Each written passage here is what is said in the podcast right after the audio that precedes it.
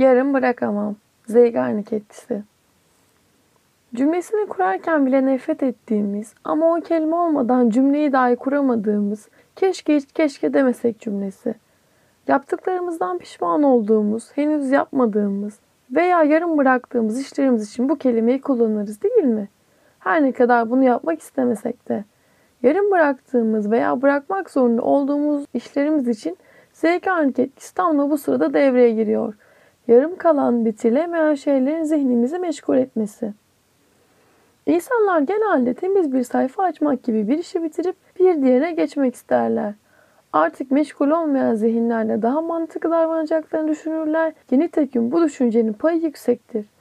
Yarım bıraktığımız veya bırakmak zorunda olduğumuz düşünceler, işler, filmler, kitaplar insanla hep bir merak ve devam ettirme hissiyatı doğurmaktadır. Buradan şunu anlayabiliriz. Zihnin bilinç dışı çalışan kısmı başka bir işe daha rahat geçebilmesi için baskı yapmaktadır. Aksi halde sonraki işler belki de bütün bir yaşam olumsuz etkilenecektir.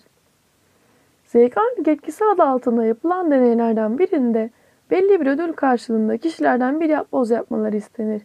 Henüz hiç kimse yapbozu bitirememişken deneyin bittiği açıklanır ve gönüllü deneklerimiz ücretleri ödenir.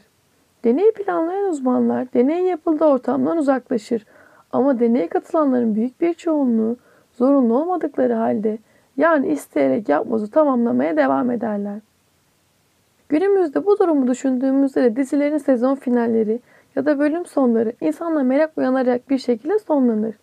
Kitap okurken bazen kendimize engel olmayıp kitabın son sayfasını okuruz veyahut kitap sözcüklerinin ahengi arasında kaybolmuşken birinin bizi rahatsız etmesini istemeyiz. Önemli bir çalışmayı bitirirken yemek yemeyi bile unutabiliriz. Çünkü sonu merak ederiz.